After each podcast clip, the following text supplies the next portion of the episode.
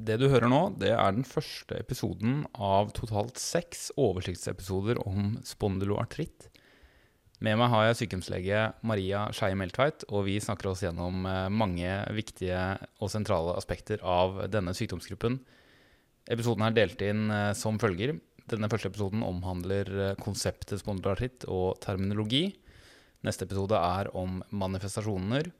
Tredje episode om aksial spondyloartritt. Fjerde episode psoriasisartritt. Femte episode reaktiv artritt. Og sjette episode er en differensialdiagnostisk eh, quiz i spondylartrittverden. I disse oversiktsepisodene så vil jeg ikke si noe særlig om behandling. Det kommer vi tilbake til i fremtidige ekspertepisoder. Maria og jeg vi spilte inn disse seks episodene på rekke og rad en eh, fin sommerkveld i Stavanger. Jeg har valgt å splitte dem opp i seks episoder og serverer én episode hver mandag i de kommende seks ukene. God lytting. Jeg sitter her med Maria Skeie Meltveit, snart spesialist i allmedisin og sykehjemslege her i Stavanger. Hjertelig velkommen, Maria. Tusen takk. Veldig glad for at du vil være med på denne praten om uh, spondylartritt. som uh, kommer til å bli en uh, episodeserie med ja. mange episoder. Vi skal starte litt med terminologi og inndeling av sykdommen. Mm. Er du klar for det? Yes. Fordi eh, altså Spondylartritt det forkortes eh, SPA, altså SPA. Så jeg kommer kanskje til å bruke det litt sånn om hverandre. Jeg skal prøve å si hele ordet spondylartritt gjennom eh, disse mm. episodene, men eh, det kan være at jeg slurver litt med det. Men det er jo, altså spondylartritt det er en fellesbetegnelse for fire ulike artrittsykdommer. Den første er eh, aksial spondylartritt. Og som vi skal komme tilbake til senere, så kan den deles inn i to undertyper. Det er radiografisk aksial spondylartritt og ikke-radiografisk aksial spondylartritt. Og radiografisk aksialspondylitt er det vi tidligere kalte ankyloserende spondylitt, eller mm. Bechdrevs sykdom. Mm.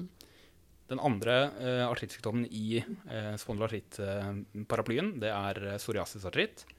Den tredje er reaktiv artritt, og den fjerde er um, spondylartritt som er assosiert med inflammatorisk tarmsykdom. Mm. Altså IBD-assosiert spondylartritt, om du vil. Mm. Eh, grunnen til at de fire sykdommene inkluderes da sammen i det paraplybegrepet, det er at de har mange likhetstrekk. da. Så For det første så har de en del eh, overlappende genetiske risikofaktorer, eh, mm. bl.a. HLA B27. For det andre så har de overlappende kliniske manifestasjoner. Og for det tredje så utredes de og behandles de i stor grad likt. Mm.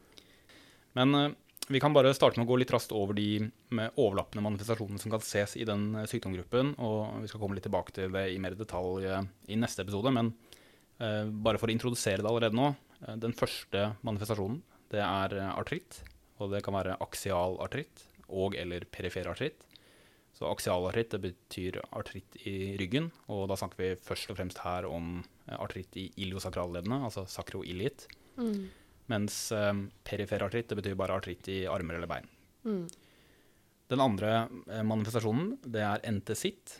Og en entese det er eh, det mm. stedet hvor sener, leddbånd, leddkapsler og fascier fester til bein. Mm. Og en inflammasjon i den strukturen det kalles en entesitt. Og vanlige steder for entesitt ved spondylartritt er i feste til akillessenen og i mm. feste til plantarfascien. Så sånn mm. hel entesitt, som det kalles uh, samlet. samlet. Den tredje manifestasjonen er daktylitt, som også kalles eh, pølsefinger eller pølsetå. Eh, som er en sånn diffus hevelse av en hel finger eller en hel tå.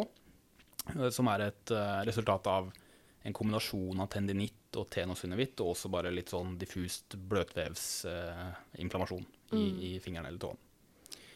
Og de tre siste manifestasjonene som er særlig relevante, det er uvit, psoriasis og enterokolitt. Mm. Og enterokolitt, da er det vanligvis en, altså en typisk Crohns eller ulcerøs kolitt. Men det kan være også mer subklinisk tarminflammasjon som på en måte ikke kvalifiserer egentlig for en helt sikker IBD-diagnose. Mm. Men eh, det er de seks eh, viktigste manifestasjonene. Eh, det er jo andre manifestasjoner som kan ses også, selvfølgelig. Men altså for så er det ganske mange pasienter som har tenosynovitt i håndledd eller ankler eller fingre. Uh, I tillegg så er det en liten andel som har uh, arrdannelse i lungenes overlapper. Mm. Det kaller vi apikal lungefibrose. Og så er det en liten andel som har uh, aortitt, mm. da vanligvis i aorta ascendens, som kan gi dilatert aorta rot med aorta insuffisiens. Og så kan det også utvikles AV-blokk. og av, sånn som jeg har forstått det, så er det det at måte, den inflammasjonen rundt aorta, aortaroten kanskje spres litt sånn inn i myokardet og påvirker ledningssystemet. Det, jeg vet ikke helt akkurat om det stemmer, men, men det er i hvert fall sånn som jeg ser for meg det. Og, eh, men disse tingene er, er uhyre sjelden. Altså, så, så det vi skal fokusere på, er de første seks eh, som jeg nevnte. Altså aksial og eller perifer artritt, entesitt, daktilitt, uvit, psoriasis og enterokolitt. Og eh, siden enterokolitt stort sett eh, dreier seg om I, eh, IBD, eh, så kan vi forenkle det til at det er IBD. Eh, Så da ender vi opp med aksial og eller perifer artritt. Eh, Entesitt, daktylitt, uvit, psoriasis og IBD. Eh, Og vi kan dele inn de der manifestasjonene der i to hovedgrupper. Så den første gruppen den, kan jeg, eller den har jeg valgt å kalle artikulære manifestasjoner. Kan kanskje også kalles muskuloskeletale, men her kaller jeg det artikulære. Og det er artritt, entesitt og daktilitt. Og så kan du si at entesitt og daktilitt er på en måte ikke intraartikulære ting, det er mer perartikulært. Derfor velger noen å kalle det muskuloskeletale, men eh, for enkelhets skyld så kaller jeg det her artikulære. Altså artritt, entesitt, daktilitt. Og eh, de skiller seg da fra de ekstraartikulære, som da, eh, hvor de viktigste er eh, uvit, psoriasis og IBD. Og eh, eh, alle pasienter med spondylartritt vil ha minst én av de artikulære manifestasjonene. Og I tillegg så vil mange også ha én eller flere av de ekstraartikulære. Mm. Men du vil aldri få en spa-diagnose uten at du har minst én artikulær manifestasjon. Og alle former for spondylartritt, altså aksial spondylartritt, psoriasisartritt, reaktiv artritt og IBD-assosiert spondylartritt, kan i teorien gi alle de nevnte artikulære og ekstraartikulære manifestasjonene. Og ved eh, aksial spondylartritt så vil de aksiale artikulære plagene eh, dominere sykdomsbildet til pasienten, mens ved de øvrige eh, tilstandene så er det vanligvis sånn at de perifere artikulære plagene er det mest dominerende. Og av disse sykdommene så er aksial spondylartritt og psoriasisartritt de vanligste.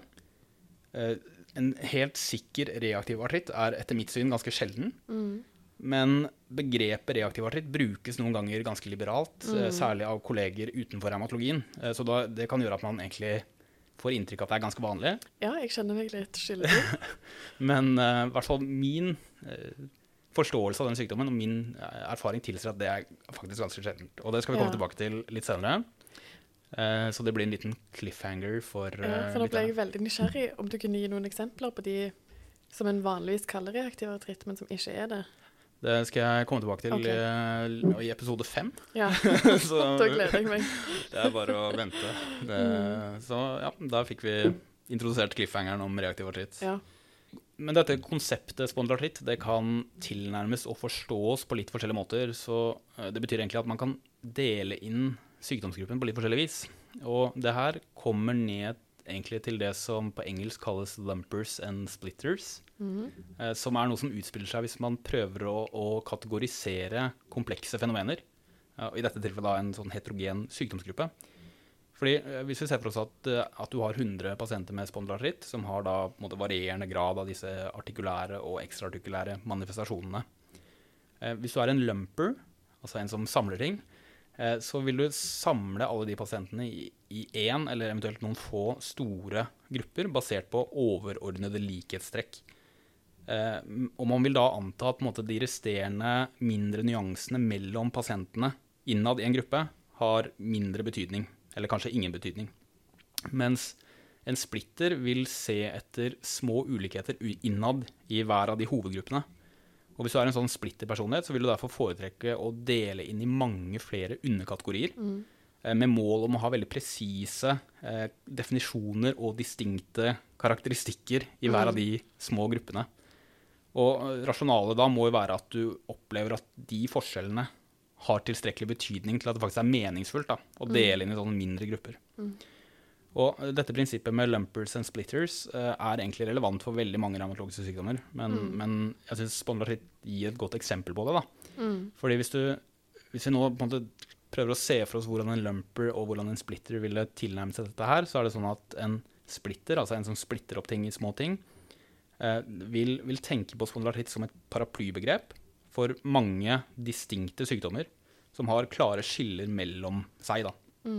Og de entitetene du ender opp med da, er de vi innledet med. Altså aksial spondylartritt, eh, psoriasisartritt, reaktiv artritt og IBD-assosiert spondylartritt.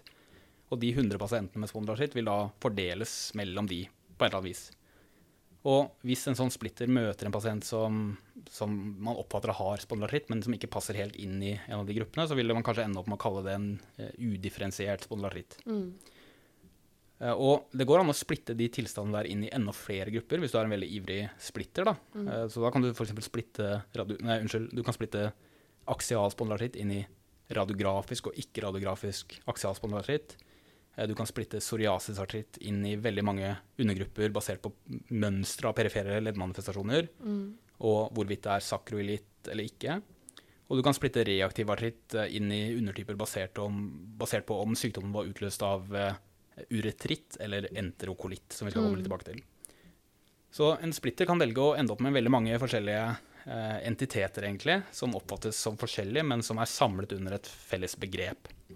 Mens en lumper vil anse spondylartritt som én en enkelt sykdom. Mm. Altså alle de 100 pasientene har spondylartritt. Eh, ferdig med det, på en måte, hvis du er en superlumper. Da. Mm. Men eh, nå er det jo sånn at disse som, som foretrekker lumper-tilnærmingen innen spondylartritt-fagmiljøet, velger som regel å dele opp sykdommen i to hovedfenotyper. Det er aksial spondylartritt og perifer spondylartritt. Mm. Og, uh, men dette anses jo av dem da som to fenotyper av samme sykdom. Mm. Ikke som to helt distinkte entiteter. Mm. Og eh, når en lumper skal avgjøre hvilken fenotype en, en pasient med spondylaritt tilhører, så ser lumperen på hva slags artikulære manifestasjoner som dominerer sykdomsbildet til akkurat den pasienten. Så hvis det er aksial artritt som dominerer, så er det en aksial spondylartritt. Hvis det er perifere artikulære plager som dominerer, så er det en perifer spondylartritt. Og det er da uavhengig om pasienten har uvit, psoriasis eller IBD. Mm. Og det er omdiskutert hvilken av disse inndelingene som egentlig er den beste. Eh, min oppfatning er at de fleste revmatologer er splitters når det kommer til spondylartritt. Altså at de bruker begrepene aksialspondylartritt, psoriasisartritt, reaktiv artritt og IBD-assosiert spondylartritt. Eh, men disse som velger den splittertilnærmingen, eh, ender ofte opp opp, ender ofte opp med å bruke det begrepet som heter perifer spondylartritt, men mm. de bruker det da på en annen måte enn disse lumperne. Fordi en lumper bruker du jo som én av to hovedfenotyper av én sykdom. Mm. Altså aksial versus eh, perifer. Mens en splitter bruker det som en atskilt entitet mm. Eh, for pasienter som har perifere artikulære spondylartrittmanifestasjoner, men som ikke passer inn i en av de fire sykdommene. Mm. Altså noe som i praksis er synonymt med udifferensiert mm. spondylartritt. Så da ender en splitter gjerne opp med entitetene aksial spondylartritt, psoriasisartritt, reaktiv artritt, IBD-assosiert spondylartritt og den litt mer udifferensierte entiteten perifer spondylartritt. Ja. Så oppsummert eh, så er det sånn at en splitter tenker på spondylartritt som et paraplybegrep for flere konkrete og separate entiteter. Altså aksial spondylartritt, psoriasisartritt, reaktiv artritt, IBD-assosiert spondylartritt og de udifferensierte, som ofte da er, blir kalt perifer spondylartritt. Mm. Mens en lumper tenker på spondylartritt som én en enkelt entitet, gjerne da inndelt i to overordnede fenotyper, aksial spondylartritt eller perifer spondylartritt. Mm. Gir det mening? Ja. Er du en splitter? Ja, det er, det er, jo Jeg er det. Men jeg, jeg, føler at det er litt det by convention, egentlig. Ja. Fordi det er det som er vanligst. Og det er sånn okay. vi eh, Men jeg er ikke overbevist om at det er den riktige måten å gjøre dette på. Mm. Fordi altså jeg syns splitting har noe for seg. Fordi altså den, den karakteristiske aksial spondylartrittpasienten mm. er på en måte sånn ung, sprek mann i 20-årene med akutt fremrud hvitt og bilateral sakriolitt. Mm. Eh, mens en måte, klassisk psoriasisartrittpasient er gjerne middelaldrende, ofte mer komorbid, har eh, perifer poliartritt med dippleddsaffeksjon og daktylitt og neglesoriasis og sånn. Så de to er jo Det er jo mange forskjeller i, i dem, da. Mm. Uh, men, og samtidig så er det jo sånn at reaktiv artritt er jo ofte en selvbegrensende tilstand. Og det gir jo mening å prøve å skille dem fra de som ja. er forventet å ha et kronisk forløp. Eh, sånn at jeg syns splitting absolutt har noe for seg. Og i tillegg så er det jo sånn at eh, mange av medikamentstudiene, eller de fleste medikamentstudiene, er gjort ut fra splittertilnærmingen. Mm. Eh, så, så, ja, altså splitting har noe for seg, og det er det de fleste gjør. Men du møter jo stadig vekk pasienter hvor den splittingen virker veldig konstruert. da. Mm. Altså en pasient som har aksialspondylartritt, men den har også fått diagnosene psoriasis og IBD. Mm. Eller sånn en pasient som går under sånn arbeidsdiagnose, perifer spondylartritt, differensialdiagnose, psoriasisartritt. Ja. Type situasjoner Mm. som virker litt sånn kunstig, egentlig. da. Mm. Så jeg kjøper veldig de argumentene til de som er lumpers og deler det inn i to hovedfenotyper. Jeg syns det har noe for seg. Mm. Jeg syns det gir ofte mer mening enn å prøve å lete etter sånne nyanser i noe som er så komplekst og heterogent. da. Eh, Men, men som sagt, by convention så er jeg Mm. per dags dato en splitter. Mm. Eh, og så får vi se hvordan det der utvikler seg. Jeg tror den nåværende splitterindelingen kommer til å forsvinne Mm. eh, med tiden, men at det ikke nødvendigvis erstattes av den lumperinndelingen vi har nå. Ja. Men at det kanskje erstattes av en mye mer presis splitting. Da. Altså sånn Mm. type på molekylnivå eller cytokinprofil i blod eller et eller annet sånt. Mm. Som kanskje gir mer mening også, hvis man skal prøve å gi mer persontilpasset medisin sånn langt i fremtiden. Da. Mm. Men jeg må bare, det er kanskje en side note, men er lumpers and splitters spesifikt for spondyloartritter som begrep, eller er det på en måte noe innen revmatologien? Det er eh, meg bekjent et begrep eh, som er generelt hvis du prøver å kategorisere noe, uavhengig okay. om det er medisin eller revmatologi eller hva det er. Ja, Så også innenfor litteratur, f.eks. ja, Eller, for det er jo litt sånn allmennmedisin versus på en måte organspesialister. Mm, Litt den måten å tenke på. Ja, absolutt. Så jeg tror du møter dette her overalt, hvor det ikke er noe helt Mm. åpenbart fasit på hvordan det skal inndeles. Mm. Og eh, har, det er jo mange eksempler på at, eh, at man først deler inn en tilstand i noe, og så forstår man mer om sykdommen, og så skjønner man at den sykdommen vokser ut av de eh, initiale definisjonene egentlig man har hatt. Da. Og så prøver man bare cramme det ned, sånn at det fortsatt fungerer i den opprinnelige definisjonen eller karakteristikken eller kategoriseringen. Mm. Og så blir det litt sånn ah, dette her må egentlig angripes på nytt, Ja. egentlig. Ja. Uh, og eh, ja, det er sikkert mange eksempler på sånne ting i de fleste fag, vil jeg tro. ja. Men den splittingen i, innenfor akkurat spondylartritt er jo også i kontrast til andre deler av revmatologien. da. Fordi vi, vi lømper jo gladelig alle SLE-pasienter Ja. inn i den diagnosen eller entiteten SLE, uavhengig av hva slags manifestasjoner de har, egentlig. Altså én En pasient kan ha artritt og utslett, den andre kan ha eh, glomerulonefritt og psykose, og den tredje kan ha autoimmun hemolytisk anemi og pleuritt. på en måte. Mm. Eh, Utrolig forskjellige presentasjoner, Mm. men på en måte ingen splitting i selve diagnosebegrepet. ja. Så, så der er det jo i hvert fall en tydelig forskjell mellom de to tingene, hvordan man har endt opp med å tilnærme seg det.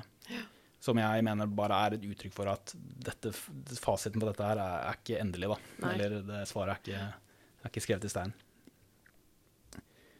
OK, så eh, nå, eh, nå har vi snakket litt om terminologi, og jeg vil dvele litt mer med det.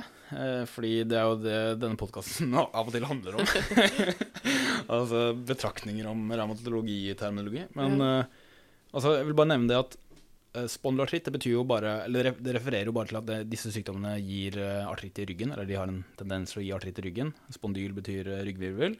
Og tidligere så ble den sykdomsgruppen kalt seronegative spondyloartropatier. Som var Mm. sånn, det er i hvert fall det vi het da vi studerte sikkert ja. begge to. Jeg det igjen. Ja, og uh, selv om det begrepet ikke brukes lenger, eller i hvert fall ikke skal brukes lenger, så vil jeg bare brekke ned de komponentene av det ordet. Fordi det første tingen er dette med artropati, eh, som bare betyr leddsykdom. Mm. Og det er et veldig upresist begrep, for det skiller ikke mellom inflammatoriske leddsykdommer og ikke-inflammatoriske leddsykdommer. Mm. Og spondylartritt er jo en inflammatorisk revmatologisk sykdom, og for å få diagnosen så må man jo ha minst én artikulær manifestasjon, altså artritt, entesitt eller daktylitt, og dette er jo inflammatoriske manifestasjoner. Så begrepet spondylartritt eh, reflekterer jo bedre den på en måte, inflammatoriske naturen av sykdommen. Da. Så etter mitt syn så er det ingen god grunn eller ingen gode argumenter for å holde fast på det begrepet som spondyloartropati. Mm. Og den neste tingen var jo dette med seronegativ. ikke sant? Eh, Og hvis en pasient med en revmatologisk sykdom tester positivt for ett eller flere autoantistoffer som er forbundet med den sykdommen, så kaller vi det seropositivitet. ikke sant? Altså seropositiv RA er jo RA med positiv revmatidfaktor eller anticitrulinert peptid-antistoff, ACPA. Eh, Og motsatt så betyr seronegativ RA at en pasient har en tilstand som er forenlig med RA, men har eh, tester negativt for begge de autoantistoffene. Og på samme måte så vil en pasient med en tilstand forenlig med antisyntetasesyndrom, som tester negativt for alle antisyntetaseantistoffer, vil kunne bli kalt en seronegativ antisyntetasesyndrom. Um, Ved spondylartritter så er det ingen autoantistoffer som vi tester for i klinikken. Eh, Så det finnes ikke en seropositiv spondylartritt. Og på samme måte så gir det egentlig ikke noe mening å kalle det seronegativ spondylartritt eh, heller, da. Eh, Men årsaken til at det tidligere ble kalt seronegative spondylartropatier, det var at disse pasientene tester da vanligvis negativt for reumatittfaktor og ACPA, altså de autoantistoffene som er forbundet med RA. Men det er jo ikke sånn vi bruker begrepet seronegativ nå. Altså, man bruker det jo ikke om pasienter med en revmatologisk sykdom som tester negativt for autoantistoffer som er forbundet med en annen revmatologisk sykdom. Altså, man har ikke en seronegativ RA hvis man tester negativt for ANA og ANKA. på en måte. Så eh, det, det er på en måte litt sånn Det står ikke helt i stil til hvordan vi bruker disse begrepene. Og det bør bare forkastes, etter mitt Ja. syn. da. Men det jeg tror er årsaken til at man kalte det seronegative spondylopatier før, var at man ville gjøre det veldig tydelig at dette her ikke var revmatidartritt. Ja. Eh, men det, det, det føler jeg ikke at vi trenger å poengtere lenger. Altså, Nei. I hvert fall etter mitt syn. da. Men uh, det er klart, jeg, jeg kjenner ikke hele historien, jeg har ikke vært med på hele den reisen. Men jeg syns at spondylartritt er i hvert fall et bedre begrep enn Ja. seronegative spondylartopatier. Helt enig. Men eh, denne historiske fascinasjonen med å skille spondylartritt fra revmatidartritt, den, den forstår jeg jo, fordi det her er jo, det er jo vanlige revmatologiske sykdommer. Og det er jo viktig å prøve å skille spondylartritt fra reumatidartritt. Og det er noen viktige forskjeller mellom de. Altså det ene er eh, hvilke strukturer sykdommene angriper, og eh, det andre er hva slags type strukturell skade som sykdommene kan forårsake. Mm. Fordi både reumatidartritt og spondylartritt gir jo artritt, men Eh, Men patofysiologien er litt eh, ulik. Eh, Så eh, ved RA så er det primære angrepspunktet synovium, altså at man får en synovitt. Mens eh, i hvert fall sånn som jeg har forstått dette her nå, er at den, det primære angrepspunktet ved spondylartritt er entesene, altså gir entesitt. Og eh, enteser, bare for å gjenta det, så er det der hvor sener og leddbånd og leddkapsler og fasser fester til bein. Og i kroppen så har vi over 100 sånne enteser, eh, både aksialt og perifert. Eh, Noen ligger leddnært, altså mer eller mindre i umiddelbar kontakt med leddet, altså f.eks. leddkapslene og sånn, ikke sant? Mens andre enteser de har ikke noen sånn umiddelbar kontakt med et ledd, f.eks. akilleshælen har jo ikke det. Men eh, aksiale enteser det inkluderer eh, de punktene hvor den ytre delen av annulus fibrosis fester til virvelkorpora. Annulus fibrosis er jo den ytre delen av mellomvirvelskiven. Og de fester da opp og nede på hver sin eh, virvel, eh, altså kroppen på en eh, ryggvirvel. Eh, andre eksempler på aksiale enteser er leddbånd eh, rundt ilosakralleddene. Og eh, perifere enteser inkluderer da bl.a. feste til akilleshælen og plantarfasen, men også sener og leddbånd i nærheten av perifere ledd, f.eks. i hendene. Og sånn som i hvert fall jeg har forstått det, og det kan være at dette er feil, altså, men min forståelse av dette er at ved spondylartritt så virker det som at den inflammatoriske prosessen gjerne starter i entesene, og så at det kan spre seg til nærliggende ledd eventuelt, og at det på en måte oppstår en artritt på den måten. Men at det primære angrepspunktet kanskje er litt annerledes enn det man ser ved RA. Og eh, årsaken til at dette med entesitt ved spondylartritt, hvordan det oppstår, det, det, det er ganske sammensatt. Og jeg vet ikke om noen helt sikkert vet akkurat hvordan det skjer, men en faktor som kan bidra til det, er mekanisk belastning, som gir sånne mikrotraumer og immunaktivering i enteser. Og det virker å skje hos alle. Men at ved spondylartritt så er den immunreaksjonen som skjer, unormalt kraftig, og at det blir en reell inflammasjon eh, som da etter hvert, altså som, som kan bli utvikle seg til en kronisk eh, revmatologisk sykdom. Og eh, dette faktum at spondylartritt har en tendens til å ramme akseskjelettet, altså kolumna, IS-leddene, og som vi skal snakke om senere også, eh, hovedsakelig ledd i underekstremitetene. Eh, Dette er jo steder som har mye mekanisk belastning på seg. Det er vektbærende ledd. Og den predileksjonen for disse stedene kan kanskje forklares av dette mekaniske aspektet og på en måte en, en tesedrevet inflammasjon. Eh, som, som man ikke ser ved RA, da, som måte ikke har en sånn tydelig predileksjon for, eh, for vektbærende ledd.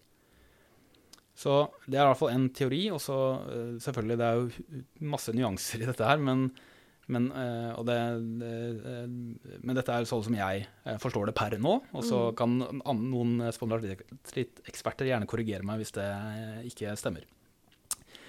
Men det neste Det var jo på en måte de angrepne strukturene av de to sykdommene. Og så hvis vi går videre til dette med strukturell skade, da, så er det jo sånn at både revmatidartritt og spondylartritt kan gi irreversible forandringer i beinstrukturen. Og det er jo en av de tingene vi prøver å forhindre med behandling. Mm.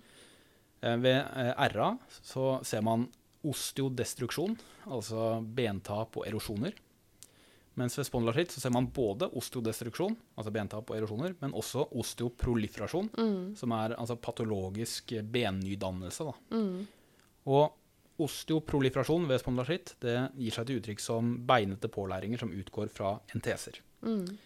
Og eh, hvis du har en beinpålæring som utgår fra en aksial entese, så kalles det en syndesmofytt. Men hvis det er en, som, en pålæring som utgår fra en perifer entese, så kalles det en entesofytt. Mm. Så en syndesmofytt er en entesofytt i aksialskjelettet. da. Og disse beinpålæringene kan gi avstivning, altså ankylose, av ledd og ryggvirvler.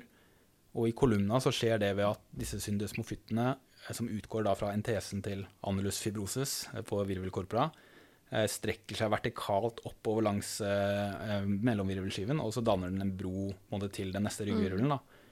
Og sånne brodannende syndesmofytter over flere nivåer, det gir det vi kaller bambusrygg, eller bamboo spine, Mm. som kan ses ved veldig langkommen, alvorlig eh, aksialspondylitt hovedsakelig, som vi skal komme tilbake til.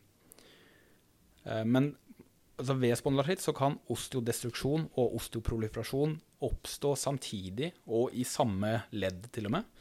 Eh, som er egentlig litt paradoksalt, fordi det er jo sånn osteoimmunologiske og, og, osteohomeostatisk helt motsatte prosesser. Men, eh, og man vet ikke helt hvordan det skjer, men eh, man tenker seg at en inflammasjon forårsaker osteodestruksjon, på samme måte som RA, men at det også utløser en slags sånn kompensatorisk eh, reparasjonsprosess. Også at Mm. ved spondylartritt så, så overskyter den reparasjonsprosessen, egentlig. Mm. Og så repareres det på en måte litt vel mye, egentlig. Altså at det dannes litt vel mye bein. Mm. Eh, mens i- ved RA så ser man ikke den type overskytingen av reparasjonsprosessen, og dermed ingen sånn benutdannelse. Da. Men dette med beinutdannelse eh, er også da viktig, altså siden det er, et, det er på en måte et ganske karakteristisk tegn ved spondylartritter. Mm. Så hvis man ser en artrittsykdom som kan ha osteodestruksjon, men også har osteoproliferasjon, så er det på en måte, tenker vi alltid de baner, da. Mm. Og når du sier at du ser det, altså, kan du se det klinisk, eller må du på en måte ta bilder? Dette er det? noe du ser på, eh, på bilder. Ja. ja. Så du kan ikke liksom palpere at noen har fått Uh, jeg, jeg, så, jeg er ikke god nok til Nei. i så fall. mm. og, og ofte så er jo, som vi skal komme tilbake til også, av disse sykdommene så er det særlig aksial spondylartritt som har en tendens til osteoproliferasjon. mm. Og da er jo hovedsakelig ryggen som er rammet. da. Mm. Og jeg tror du skal palpere godt for å komme ned Ja. til annerledes fibrosis. Ja. Men uh, jeg tror dette er hovedsakelig er snakk om bildefunn. Mm. Eller er, det er mitt svar. Det er hovedsakelig bildefunn. Ja. Og da, hva er modalitet er det, liksom? Det er jo, dette er jo bein, så hovedsakelig røntgen at vi ser det på. Eh, og men det kan også ses på altså CT eller MR og Men må det være langtkomment da for at en skal se det? Eh, Ja, det kan du si. Altså at det er en, eh, et kontinuum der innad i hver av de diagnosegruppene. At det er noen pasienter som har en tendens til å danne bein, mens andre har det i mindre grad. Mm. Og det, ikke, det kreves ikke for diagnosen at man Nei. ser noe sånt. Nei. Det er egentlig mer et tegn Altså, det støtter diagnosen, og det vil være uttrykk for eh, Mm. mer mm, Altså, det vil jo være uttrykk for strukturell skade, Ja. eh, som er ting som er uheldig, uavhengig av om det er destruksjon eller proliferasjon i dette tilfellet. da. Mm. Eh, Men f.eks. ved aksial spondylartritt eh, så er det sånn at det er de færreste av de pasientene som faktisk utvikler eh, masse sånn osteoproliferasjon og, Mm. og bambusrygg. Det er en liten gruppe. Det er en mye større gruppe som aldri utvikler det, Mm. eller virker å aldri utvikle det. Eh, Sånn at eh, igjen, det er ikke noe som er nødvendig for eh, diagnosen. Mm. Men f.eks. hvis du har en perifer polartritt som er erosiv, eh, altså med osteodestruksjon, eh, så vil jo funn av sånn osteoproliferasjon i tillegg være med til å hjelpe deg å skille mellom f.eks. RA og en psoriasisartritt. Ja. for eksempel. Mm. Ja. jeg skal ikke dvele så mye rundt patofysiologien eh, i disse episodene her, men jeg skal bare nevne kort noe om HLA-B27. Eh, fordi det er jo et gen som koder for et MOC1-protein. Og disse MOC1-proteinene de presenterer eh, antigener som kroppen, som cellene lager selv, til CD8-positive T-celler. Og det var lenge tenkt at HLA-B27 kodet for et MHC1-protein som presenterte et sykdomsrelatert autoantigen til autoreaktive T-celler. Eh, men den teorien eh, vakler litt fordi eh, i, en, i, studier av mus som, har, som uttrykker humant HLA-B27-gen, de musene kan utvikle en spondylaritt-lignende tilstand selv om, er, selv om, de ikke har CD8-positive T-celler. Mm. Og det kan være andre faktorer knyttet til HLA-B27 som forårsaker sykdomsutviklingen annet enn sånn antigenpresentasjon, og det er nevnt i en tidligere episode om eh, autoimmunitet og autoinflammasjon. Så for de som uh, har lyst til å høre litt mer om det, så får dere heller uh, spole tilbake til denne episoden og høre på det på nytt. Men uh, jeg vil bare nå si litt om forekomsten av HLA-B27 ved disse tilstandene her. Fordi HLA-B27 er jo et gen som er vanlig i den generelle befolkningen. Altså om lag 10 eh, eller 15% av nordmenn har det genet. Og av disse så er det jo veldig få, altså kanskje 5% som faktisk utvikler spondylaritt. Så de aller fleste med HLA-B27 vil jo aldri få spondylaritt. Og HLA-B27 er assosiert med alle former for spondylaritt, eh, men den assosiasjonen er sterkest ved aksial spondylaritt, hvor det er sånn ca. 90% som, har, som er HLA-B27 positive. Ved reaktiv artritt så er det anslått at det er sånn 50-70% som er positive for HLA-B27. Også ved psoriasisartritt og IBD-assosiert spondylartritt så er det rundt 50% kan man si, sånn røft regnet. Det er litt ulike tall i ulike studier. Men av eh, det så følger det jo noen prinsipper, da. Eh, og det ene er jo at HLA-B27 skal jo ikke rekvireres hvis ikke man har en sterk mistanke om at det er en spondylartritt. Mm. Fordi de aller aller fleste, hvis du screener med det, så vil det jo være masse falske positive, mm. kan man kalle det. da. Det vil si at de fleste med det genet vil, vil ikke få det. Og um, Det andre er jo at positivt svar vil jo ikke kunne bekrefte et spondylaritt. Det må ses i sammenheng med totalpakken. Uh, på samme måte så er det jo en negativ HLA-B27 vil ikke utelukke en spondylarittdiagnose. Og det siste viktige poenget er at dette er snakk om et gen uh, som man tester for. ikke sant? Og det er jo aldri nødvendig å gjenta den testen hvis man har tatt den en gang. Det, resultatet vil aldri endre seg. Og HLA-B27 er særlig forbundet med to manifestasjoner av spondylartritt, Det er sakroilit og uvit. Og siden aksialspondylartritt er den formen for spondylartritt som er sterkest assosiert med HLA-B27, så betyr det også at det er den formen for spondylartritt som er sterkest assosiert med sakroilit og uvit. Mm. Så vi kommer litt tilbake til HLAB27 og Uvit i neste episode. Ok, det var det jeg vil skulle si litt sånn overordnet om spondylaritt i denne første episoden. Neste episode er om de seks manifestasjonene vi har nevnt. Så mm. da er det bare å glede seg. Neste uke kommer manifestasjonsepisoden. Så takk for nå, Maria. Vi takk ses. Mm. Til slutt bare en liten fotnote her. Etter at jeg hadde spilt inn episoden, så drøftet jeg dette med lumpers og splitters i spondylarittverden med Gunstein Bakkeland. Og han eh, refererte meg til en artikkel fra 2005 som beskriver dette her eh, på en veldig fin måte. Så jeg har eh, lagt ved en link til den artikkelen i episodenotatene hvis noen vil grave dypere i den debatten.